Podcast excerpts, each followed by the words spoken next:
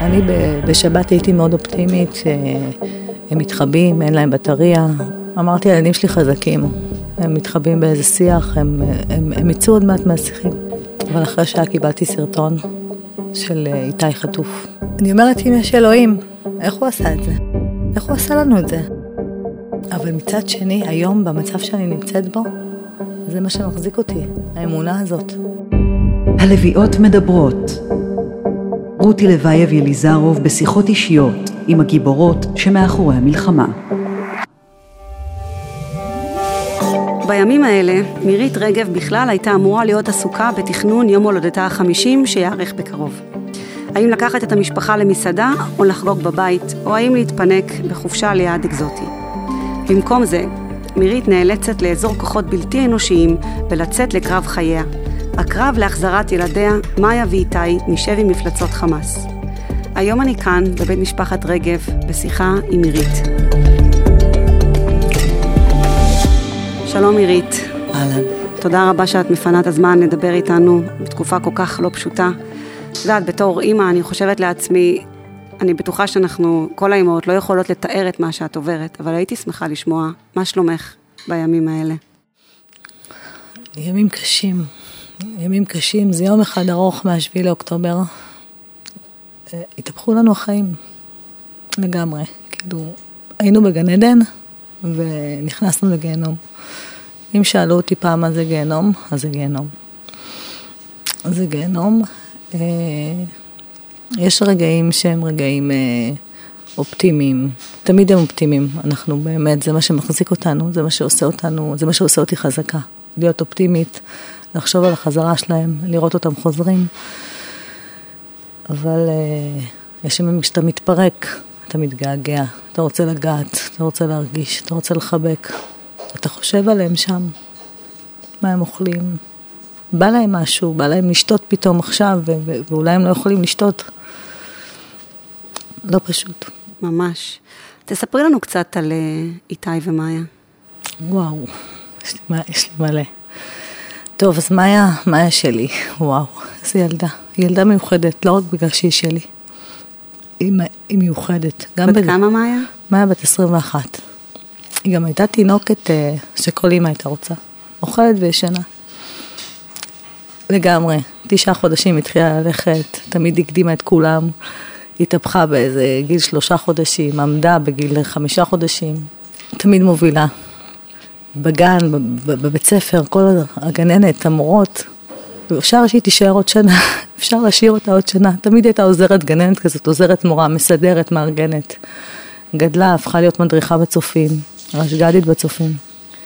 התגייסה לצבא, הייתה מד"גית, שירתה בווינגייט, עברה קורס אה, מדריכת אימון גופני, מלאת חברים, מלאה, מלאה, מובילה אחריה, פרפקציוניסטית, מסתכלת תמיד קדימה. ותוכניות לעתיד, הייתה אמורה לנסוע ב-28 לדצמבר לדרום אמריקה. השתחררה בדצמבר, התחילה לעבוד במדבר, במסעדה פה בהרצליה. חסכה כסף כדי לנסוע לטיול הגדול. והיא בסך הכל יצאה לרקוד. ילדה טובה, ילדה עם ערכים. איתי. איתי זה בדיוק ההפך הגמור ממה היה. אז איתי לא היה ישן. כאילו, אז הבנתי מה זה לגדל תינוק. אז מאיה שלוש שנים יותר גדולה ממנו. היא תמיד פרסה לו שטיח אדום בכל הבתי ספר, הוא בא אחריה. אני אח של מאיה. אבל איתי הוא ילד שמח, ילד מצחיק. יש לו שפה משלו, של... הוא ממציא כל מיני שמות ל... יש לנו שפה שזו שפה של איתי. והיה מעריץ של מאיה, ממש. אה, חבר טוב שלה. שחקן כדורגל, גולש, אה, ילד שאוהב את החיים, אוהב לצחוק, אוהב חברים. פרש מכדורגל באמצע י"א כי הוא אמר, אמא, אני רוצה ליהנות מהחיים, אמא, אני רוצה לצאת עם חברים עד מאוחר.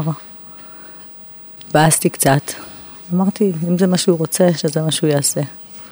מתוכנן להתגייס בדצמבר, הוא היה אמור להתגייס לאיזו יחידה שקופה של אה, הצבא, אבל הוא באיזשהו שלב, אה, הוא עבר שלושה מיונים. הוא אמר לי, אמא, אני רוצה להיות לוחם. ניסינו להוציא אותו מזה, עוד לא קיבלנו תשובה. הפסקנו לנסות. בעשרה חודשים האחרונים איתי ומאיה מאוד התקרבו מאז שמאיה השתחררה. הם היו פה ביחד שניהם, והוא היה בסיום הבגרויות שלו. והם הפכו להיות חברים טובים. היו יושבים בגג ביחד, חברים שלו וחברים שלה היו יושבים ביחד.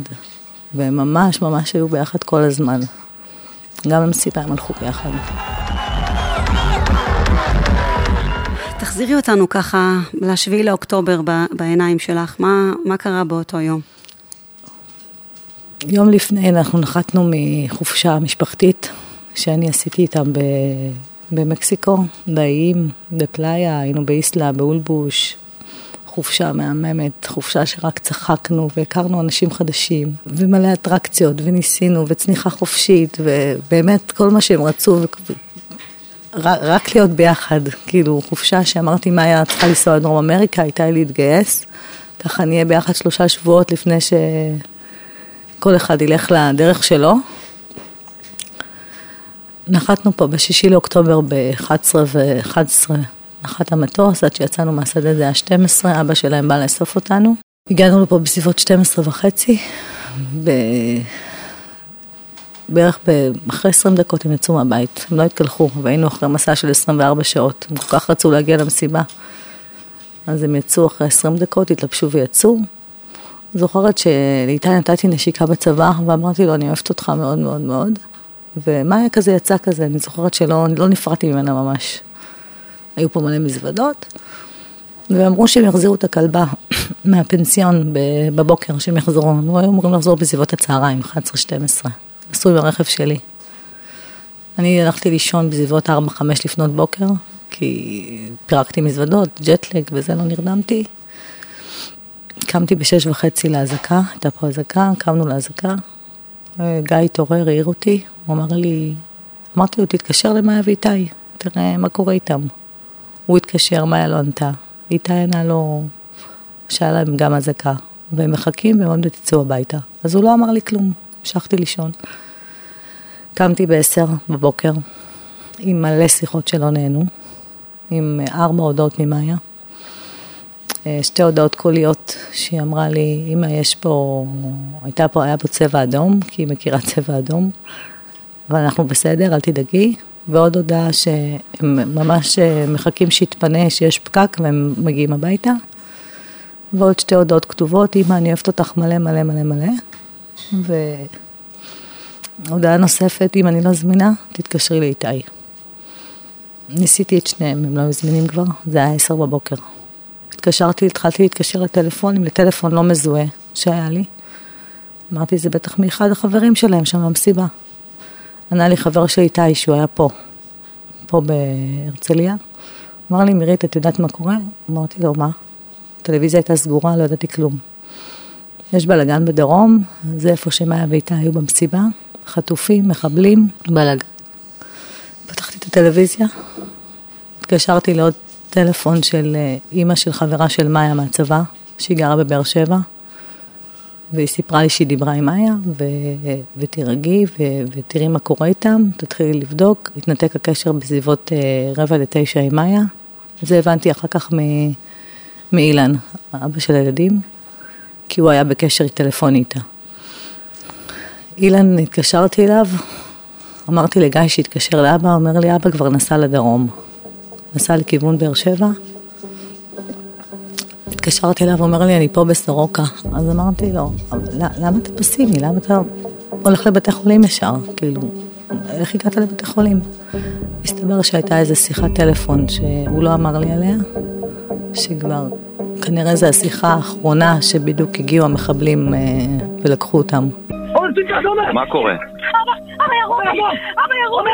אתה לא יודעת, אבא ירו אותנו! אבא הורג אותנו! אבא הורג אותנו!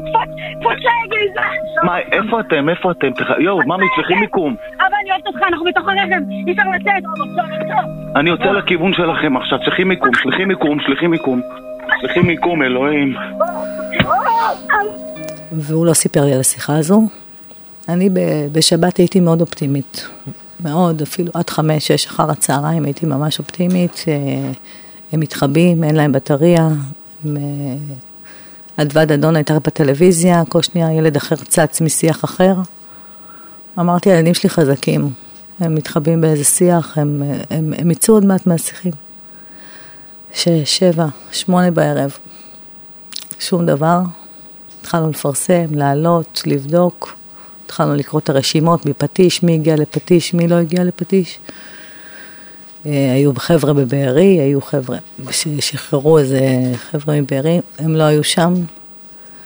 התקשרתי, אני זוכרת למנכ"ל, אני עובדת בהראל חברה לביטוח, אמרתי לו תעזור לי ותעקן את הטלפונים שלהם.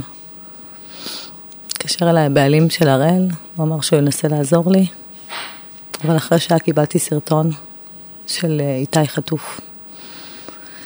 התקשרתי לאילן, אמרתי לו, הוא היה עם אבא של עומר, שעומר ואיתי נחטפו ביחד.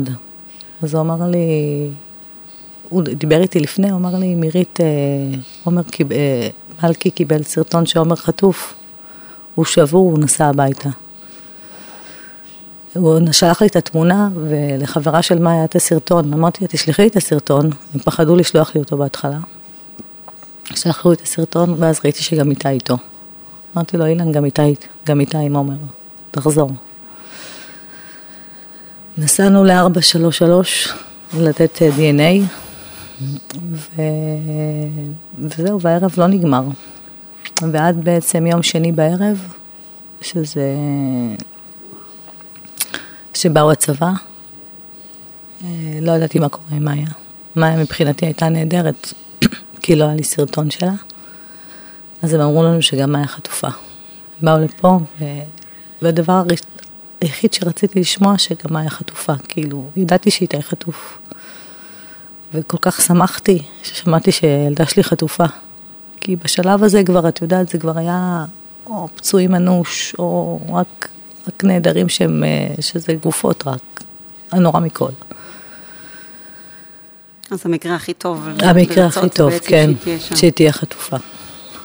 אה, עד היום אין לנו שום אינדיקציה, חוץ ממה שהצבא יודע אה, על מאיה.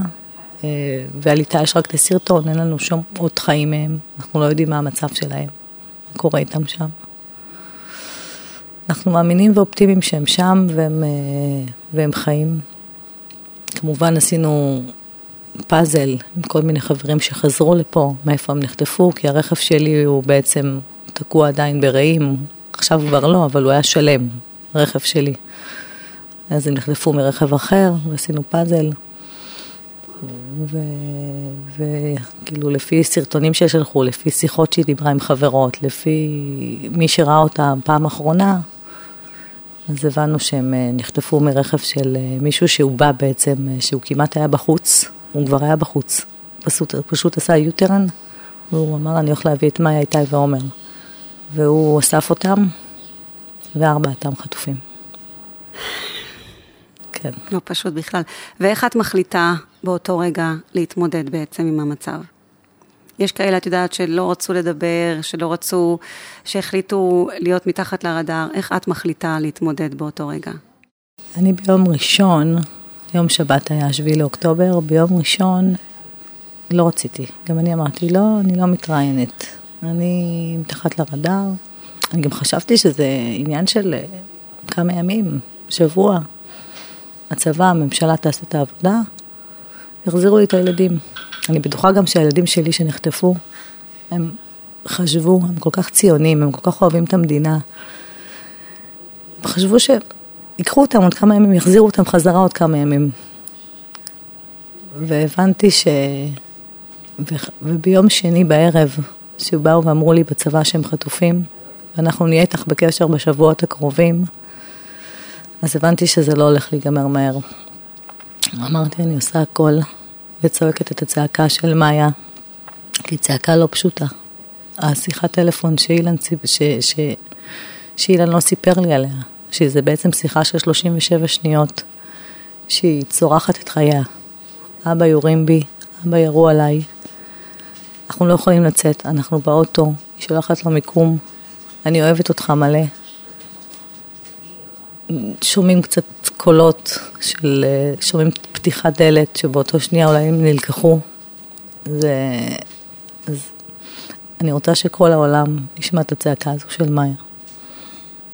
ואני אעשה כל מה שאני יכולה כדי להחזיר אותם. את יודעת, אני חושבת על זה שזה כבר כמה שבועות שהם נמצאים שם. מה, מה עובר לך בראש? וואו, מלא. יש... עובר לי הנורא מכל, אני לא אשקר. זה קשוח, אני מנסה בכל כוחי להזיז את זה.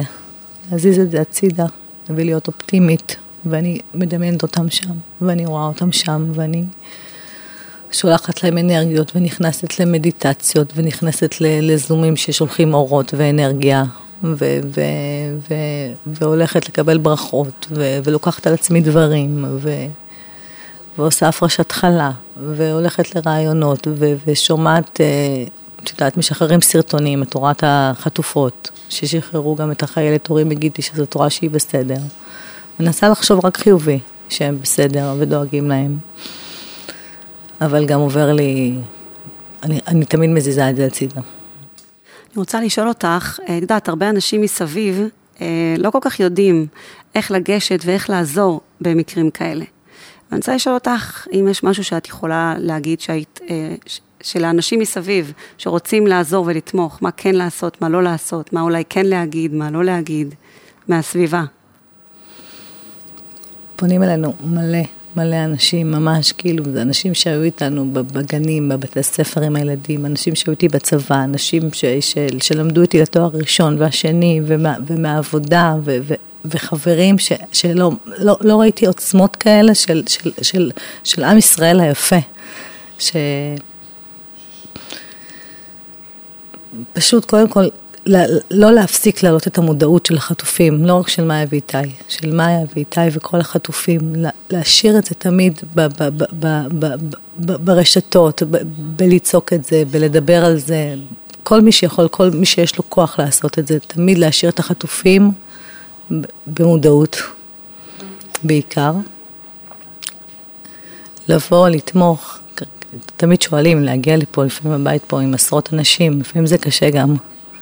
אבל באמת אנשים באים, מחבקים, נותנים מילה טובה. יש לי חברות מהממות שהן אחיות, שהן פשוט התגייסו ובנו אקסלים לאוכל ולשינה איתי, כי אני פה לבד, עם הקטנצ'יק, ו- ו- ו- ולהסעות, ו- ו- ומישהי שקובעת לי רעיונות, ומישהי ש- ששואלת ו- ו- ומתעניינת, ו- ופסיכולוג, ואפילו גם היום כבר לקחתי כדור של להירגע, כי הייתי בהתקפת חרדה היום. אז אנחנו ממש ממש עטופים. אבל בעיקר, בעיקר לכל עם ישראל, שבאמת להשאיר את המודעות של כל החטופים.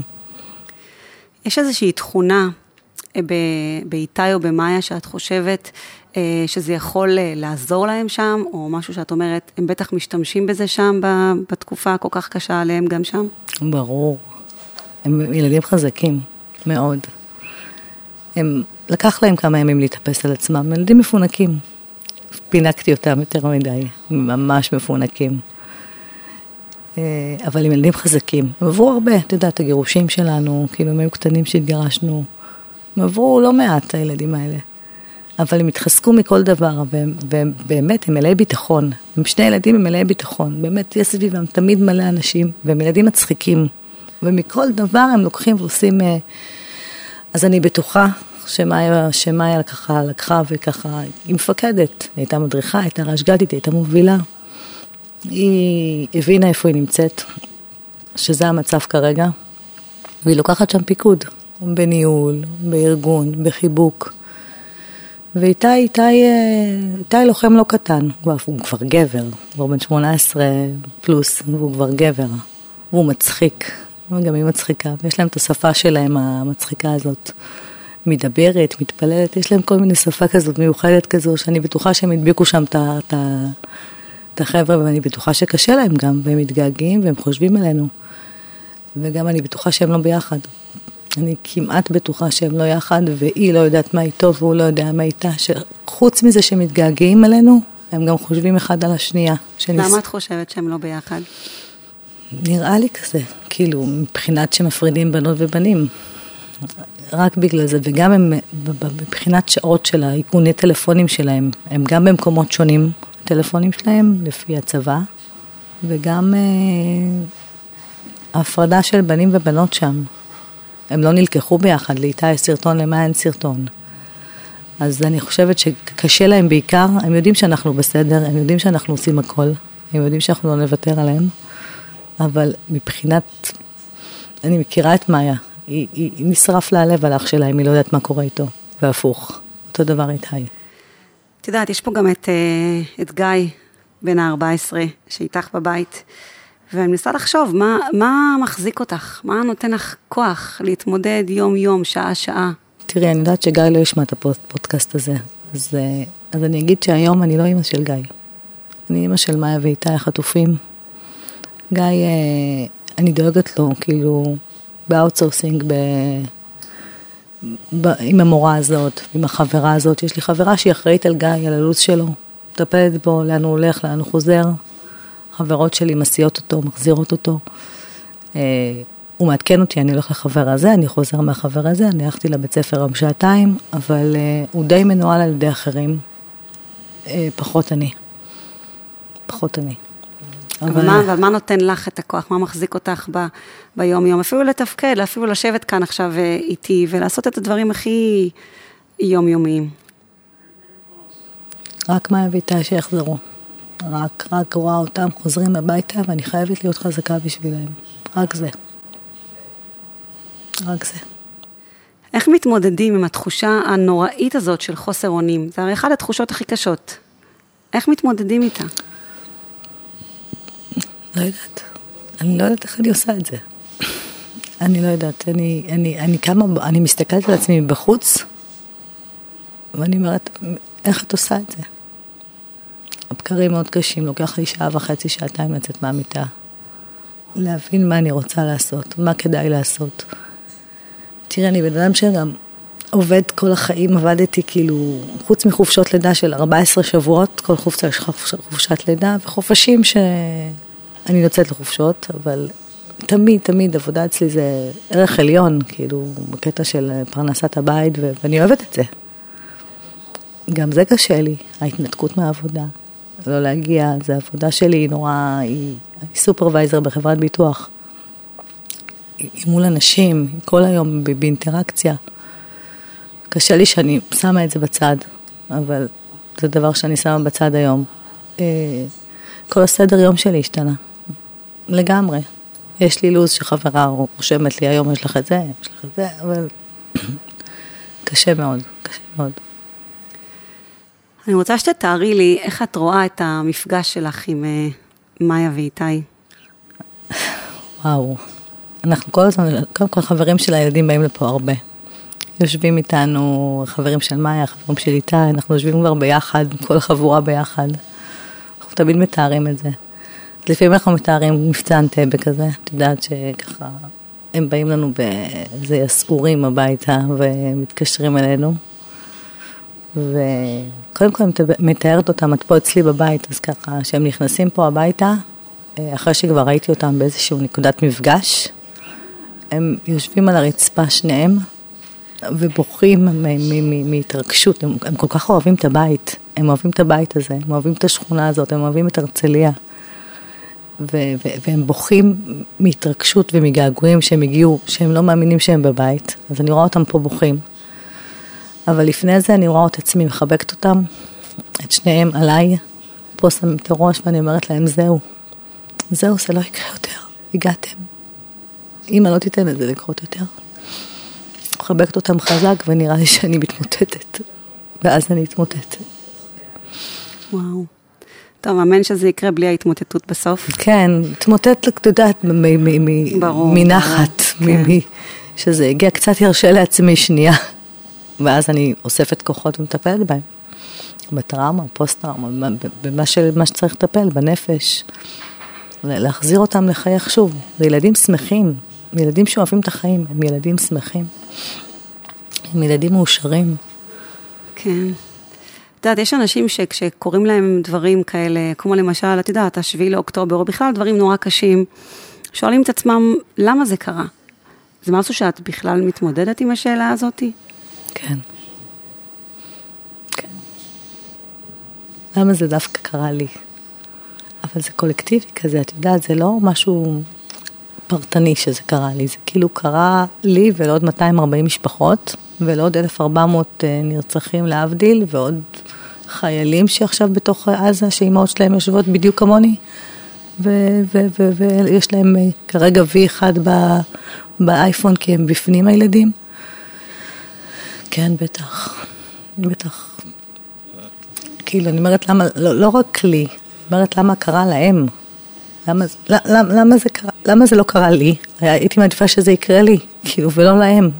כאילו, בטח, בטח. איפה זה תופס אותך מבחינת האמונה? האם זה מחזק את האמונה, או להפך? אני אומרת, אם יש אלוהים, איך הוא עשה את זה?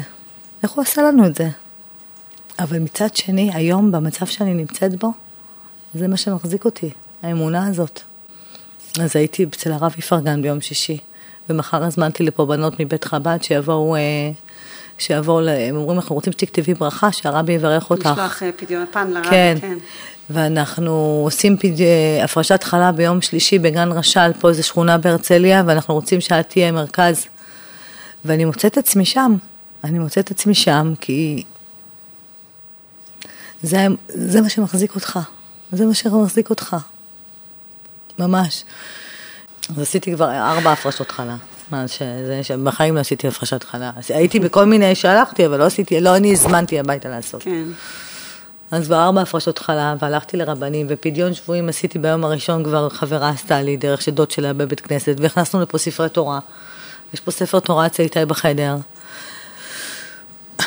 הכל, כדי, בסוף אנחנו יודעים שזה בריאלי, בריאלי, אני יודעת שאו הצבא בראש, או שהצבא עושה פעולה עכשיו ויודע לפי המודיעין של הצבא, או עסקה שתהיה שאלוהים יודע מתי. ולסיכום, אני רוצה לשאול אותך, אם יש לך לדעת, יש הרבה מאוד נשים, ש... נשים או בכלל, שיקשיבו לפודקאסט הזה. יש לך איזשהו מסר או משהו שחשוב לך להעביר אותו? קודם כל, נשים ששומעות את זה, אני בטוחה שיש כאלה שגם עברו איזה שהם מקרים. את יודעת, לי זה קרה פעם ראשונה, אני באמת, אני, אני בת 50 עוד מעט, עוד פחות, עוד חודש, ולא חוויתי איזה משהו שהוא בחמישים שנה לי, את יודעת, סבא וסבתא שלי שהלכו לעולמם, את יודעת, אבל זה, הם היו קרובים אליי, אבל לא חוויתי משהו שהוא ממש, כזה, זה משהו מטורף, לחוות כזה, מקרה כזה. יש לנו כוחות שאנחנו לא יודעים עליהם, מסתבר, כי אני, כאילו, כל, פעם שהייתי רואה איזה מקרה בטלוויזיה, או איזה אימא של... אני זוכרת שלא רציתי בנים, שהייתי ילדה. כי, כי נורא פחדתי מהמלחמות, ואני לא רוצה בן, אני לא רוצה שהוא יתגייס לצבא. ו, ויש לי בת ושני בנים, ו, וזה לא היה בצבא, זה, זה, זה, זה, הם הלכו לרקוד.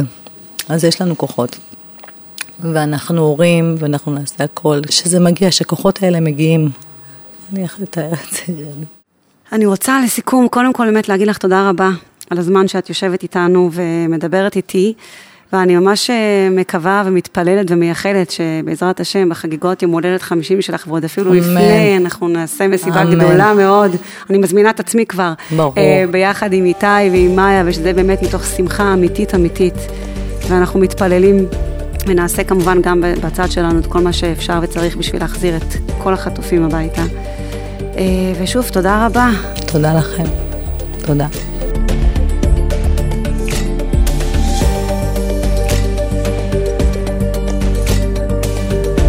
אז עד כאן עוד פרק של הלוויות מדברות.